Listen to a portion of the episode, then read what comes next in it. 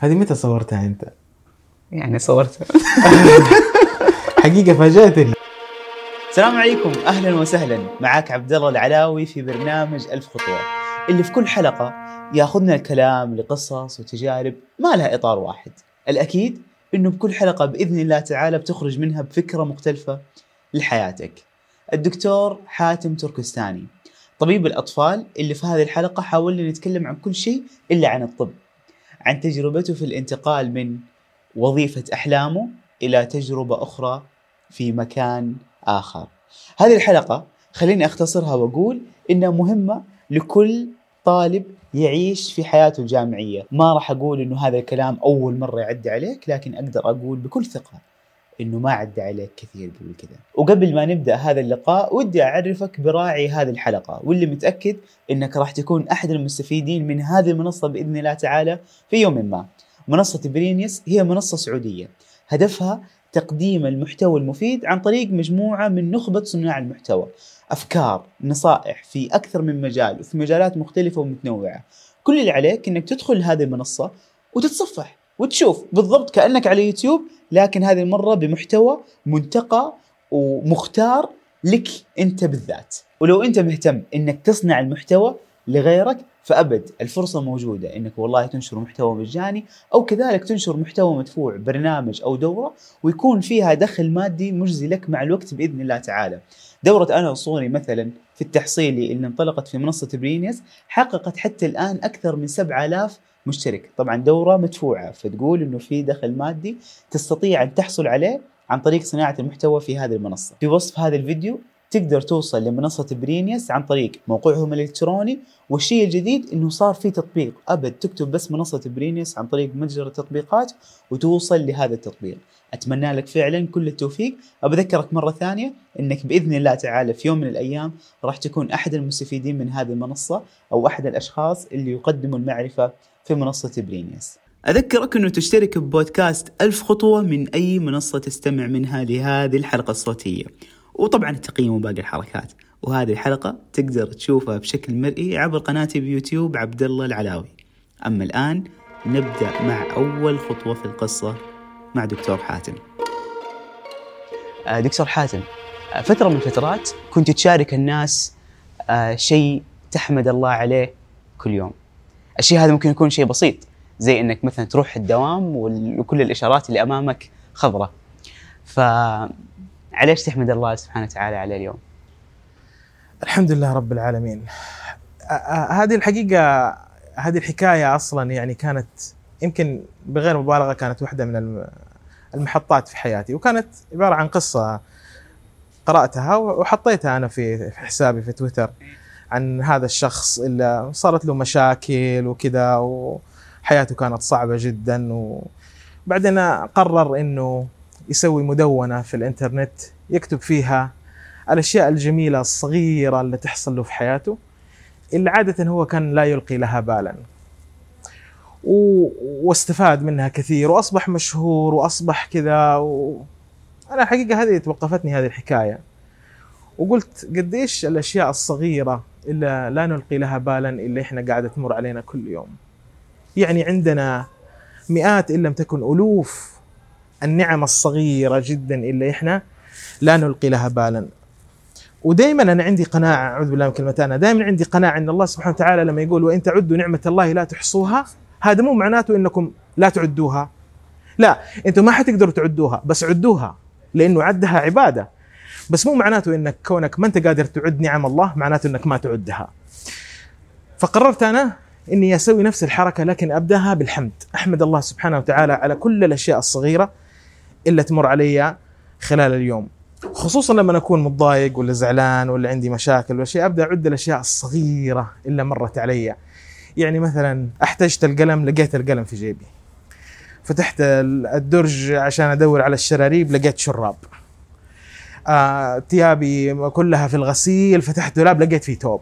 الله. مشيت في إشارة لقيت الإشارة حمراء أول ما وصلت قامت فتحت.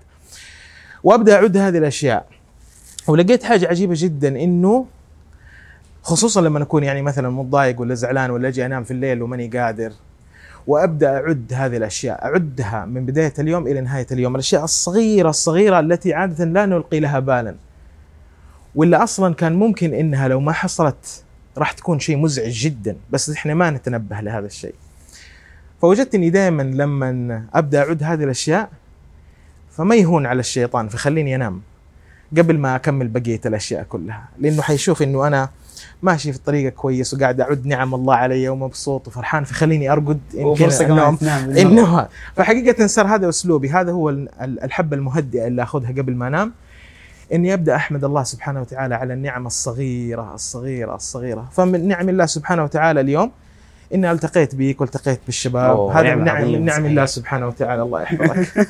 الله يعطيك العافية والله بزيادة. أنا صراحة أخذت على نفسي عهد في هذه الحلقة إنه ما نطول كثير في عالم الطب بل يعني آه نتحدث عنه قليلا جدا جدا جدا ونترك المساحة ال- ال- الكبيرة على للحياة. راحتك أنا بين يديك اسأل ما شئت. فسؤالي هو سؤال عام سؤال كبير سؤال الحياة. لو تبى تعطيني درس واحد تقول إنه هذا الدرس هو اللي المواقف الكثيرة في حياتي والتجارب هذه المتنوعة قالت لي إنه هذا أهم درس لازم تمشي عليه وأنت الآن تطبقه في حياتك وتشوف أثره. ماذا سيكون هذا الدرس؟ والله هذا السؤال يعني مهم مرة. يعني خصوصا لما تكون في بعض المراحل في حياتك هي تكون مراحل يعني الجوهرية ونقاط التغير ونقاط الانطلاق في حياتك ولا يبدأ يكون لها تأثير وتلاحظ هذا التأثير في حياتك. يعني صعب جدا إني أقول لك شيء واحد لكن لا أنا لو قلت لي لخص لي هذه ال- ال- التجارب الحياتية في حاجة واحدة أنا أقول لك أنك لا تربط حياتك ومستقبلك بالناس اللي ما هم مرتبطين بحياتك ومستقبلك ولا تضحي من أجلهم ولا تجامل في ذلك.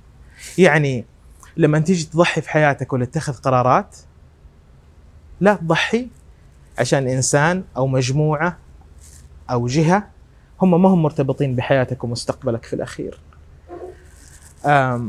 لأنه في يوم من الأيام هذول اللي ضحيت عنهم راح يختفوا من حياتك لأنه حياتك ما هي مرتبطة بحياتهم ويبقوا بس الناس اللي مرتبطين بحياتك يعانوا معك جريره القرارات حقتك اللي كانت موجودة. أنا أعوذ بالله من كلمة أنا ما أندم على شيء في حياتي، الحمد لله أحمد الله حمدا كثيرا طيبا مباركا فيه.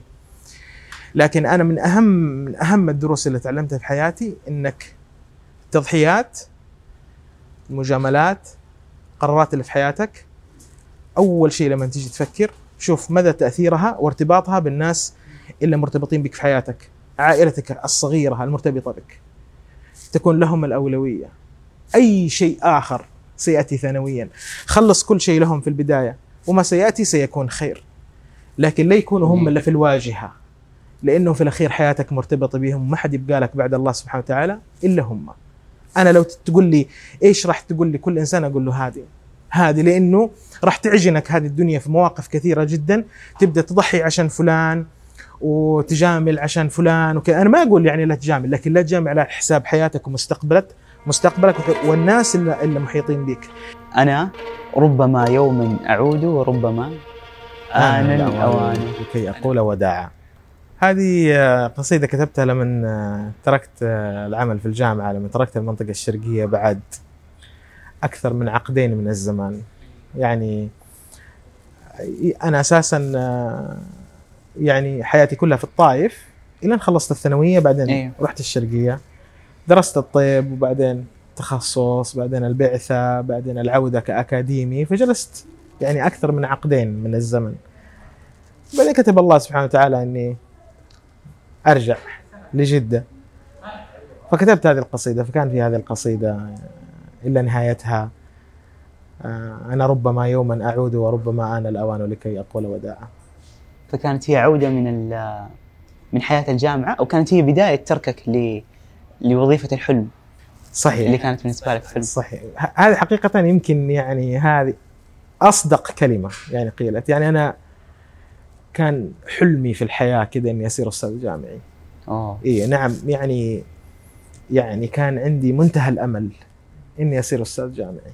أنت أبو زياد يعني تغربت من أجل هذه الوظيفة وكذلك تركتها وأنت في قمة عطائك. يعني ما تركتها وأنت قاعد تحترق شيئا فشيئا صحيح والله من فضل الله إيه. سبحانه وتعالى يعني أنا أشكر الله سبحانه وتعالى أولا وأخيرا ثم يعني معالي مدير الجامعة والزملاء وساعه عميد الكلية اللي تعاونوا معايا جدا لأنه تماما يعني أنا تركت الجامعة وأنا يعني في قمة العطاء.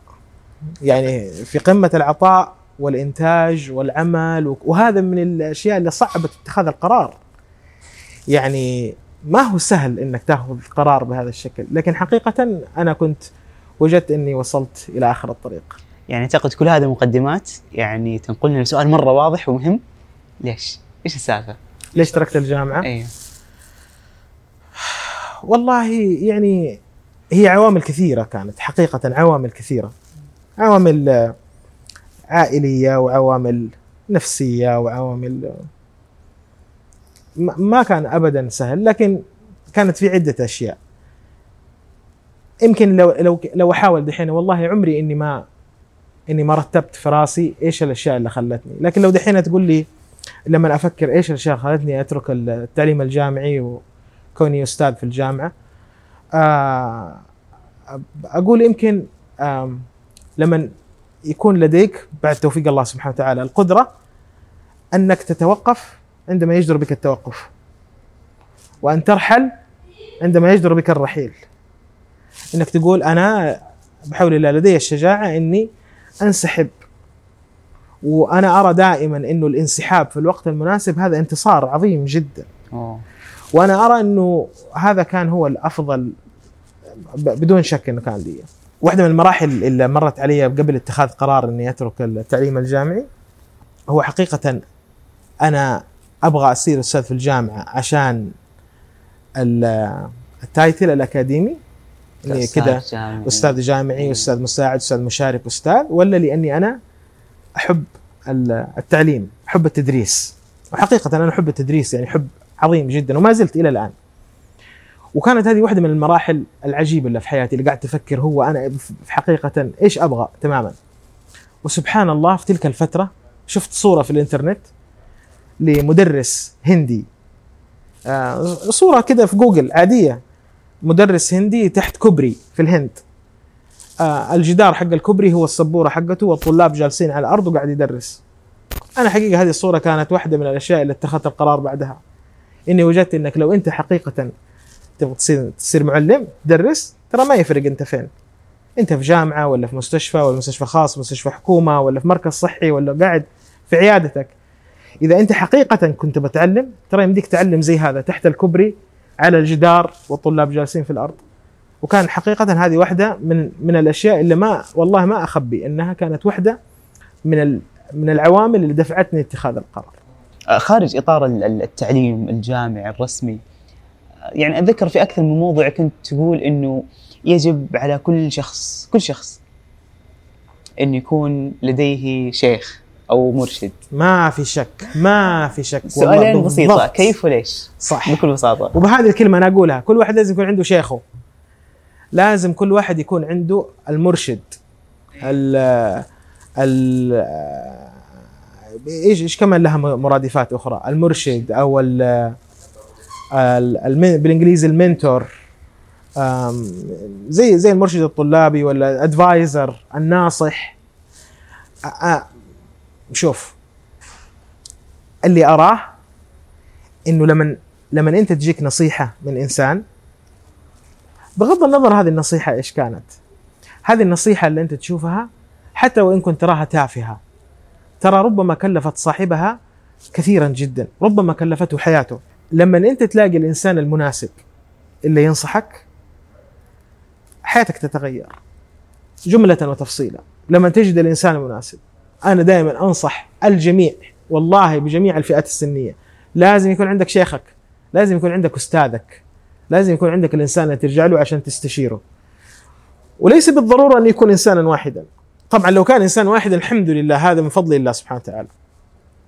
لكن ضروري تحتاج أنت يكون عندك مرشد تعليمي لقراراتك التعليمية وحدك التعليمية. يكون عندك مرشد وظيفي. يكون عندك مرشد حياتي. زواجك وأطفالك. يكون عندك مرشد مالي. يجي يقول لك كيف تتعامل مع فلوسك وكذا. وهذا أمر خطير. لابد أنك تروح تدور عليه. الين إلين تلاقي الإنسان اللي تركب معاه كويس. خلاص كذا. المخين يجوا على بعض. تبدأ تستقي منه تقول له طيب والشيء الفلاني ويتناقش معك وليس بالضرورة تكون جميع الأشياء صحيحة. ما هو بالضرورة يكون جميع قراراته ولا نصائحه صحيحة. لكن على الإجمال ترى هذا مخه جاي على مخك بيعطيك استقراء للمستقبل بشكل جيد جدا يسهل عليك اتخاذ قراراتك. لأنه يعني ما هو سر إنه إحنا نعيش كل تجاربنا من الصفر. أنت قاعد تعيش تجربتك من الصفر وأنا قاعد أعيش تجربتي من الصفر. ما في أحد مسكنا كذا نص الطريق وقال المرحلة الأولى من حياتك راح يصير كذا. انتبه من هذا الموضوع. لما أول ما يدخل لك الراتب حيصير كذا. انتبه من هذا الموضوع. لما تتزوج راح يصير كذا. الطفل الأول راح يسوي زي كذا. حياتك هنا حاجة سوق العمل. الم... هذه الأشياء إحنا ما ما في أحد بيقول لنا هي. آه، دكتور حاتم اتذكر آه، مرة قلت لي إنه في داخل كل واحد حولنا في ألبوم ذكريات. نعم. فأنت شارك بهذه الذكريات صحيح. وامشي. أبغى أسمع كذا بس آه، جانبك في هذا الموضوع. كيف قاعد تشوف الأمور هذه؟ أنا قناعتي والله إنه إيه. كل واحد في هذه الدنيا جوته في ألبوم صور. ألبوم صور. أنت جوتك في ألبوم أنا ألبوم. كل الناس عندهم جوا ألبوم. وهذه الدنيا هي فرصتك الوحيدة إنك تعبي الألبوم حق الناس اللي حوالينك بذكرياتك الجميلة. لسببين. اولا لأنه آه، الحياة آه، تستحق إنه إحنا نحط فيها ذكريات جميلة. وثانيا إنه ربما ما تتكرر لك الفرصة مرة ثانية. ففي كل مرحلة من مراحل حياتك حاول أن تخلق ذكريات جميلة للناس اللي حوالينك. لا يعدي أي إنسان في هذه الدنيا من عندك وأنت ما حطيت على الأقل لك صورة جميلة في الألبوم اللي داخله. لأنه 100% في يوم من الأيام راح يطالع في الألبوم. فخليه يشوف بس الذكريات الجميلة اللي مرتبطة بك. طيب طيب طيب الحين دكتور عندنا صندوق فيه له جزء من ذكرياتك أعتقد. آه، تخيل. معقول ما شفته يا أبو زياد؟ والله ما شفته. طيب ترى هو يبان كبير يعني بس ترى جوته شيء يعني بسيط. لكن ودي تشاركنا يعني آه، آه، قصتك مع آه، كيف كيف نتاكد انت ودي زياد تشاركنا قصتك مع مع هذه اللوحة. مع هذه اللوحة. أيوه.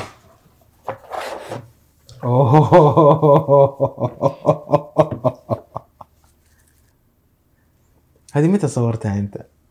يعني صورتها. حقيقة فاجأتني والله فاجأتني.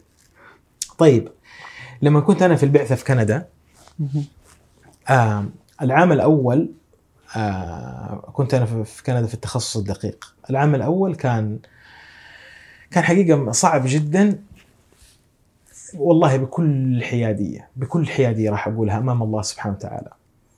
مديرة البرنامج ما كانت هاضمتني. ما أدري ليش. يمكن واحدة من الأشياء لأنه شوف ترى حظ النفس صعب. علاقتي كانت مميزة جدا مع جميع الممرضات ومع جميع الآباء والأمهات دائما أروح ونكت معاهم وأجيب لهم دونتس وأجيب لهم قهوة ودائما ما أشوف أي والدين إلا أروح أجر الكرسي وأجلس جنبهم وأتكلم معاهم فعلاقتي كانت مميزة جدا. فوصلت مرحلة إنه الوالدين صاروا يجوا وما يبغوا هذه مديرة البرنامج الاستشارية يبغوني أنا. وهذا يعني سوى مشكلة على على المدى البعيد. إنه مديرة البرنامج صارت يعني تراها بشر في الأخير هي يعني مديرة البرنامج.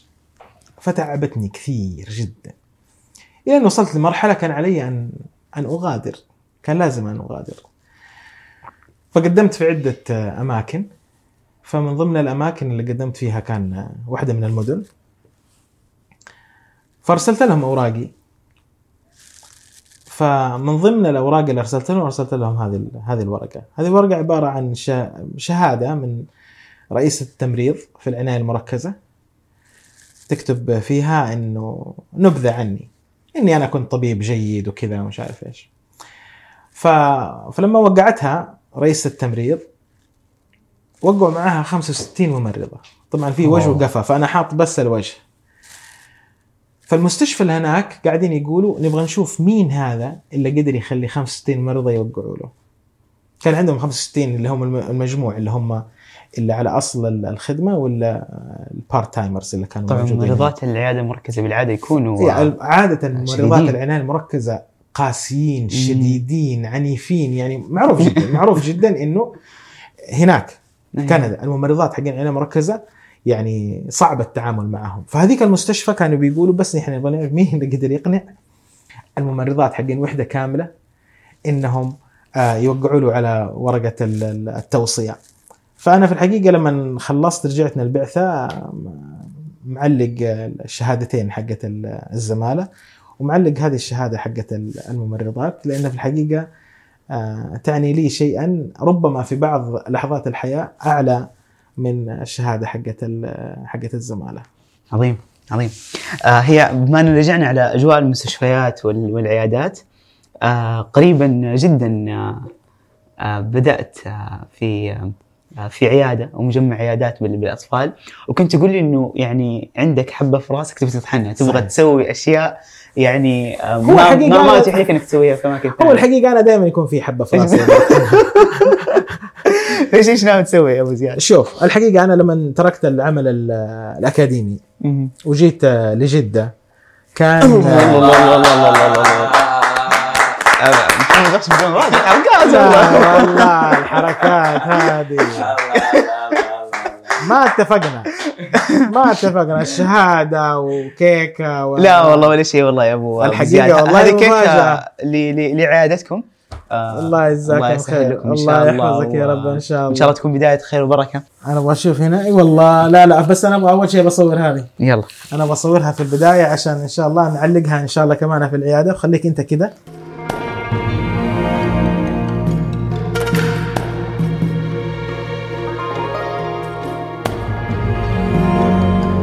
آه، تصدق دكتور انه لسه على الصندوق فيه له حاجة كمان إضافية.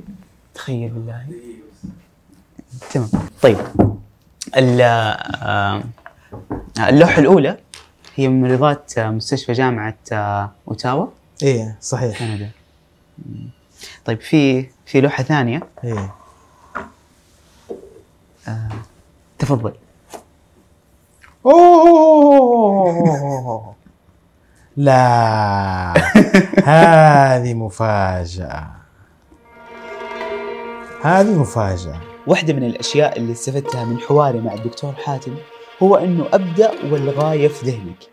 لما تبغى تبدأ عمل أو دراسة أو حتى في حياتك اليومية خلي دائما الغاية اللي أنت تبغى توصل لها من هذا العمل في بالك عشان لما توصل لها تعرف أنك أنت الآن وصلت لها وتعرف أنت اليوم فين واقف عن هذا الهدف البعيد اللي قدام. هل أنت ماشي صح ولا ما أنت ماشي صح؟ فحاول قد ما تقدر أنك تستحضر هذه الغاية في ذهنك. وهذه العادة الثانية من كتاب العادات السبع للناس الأكثر فعالية.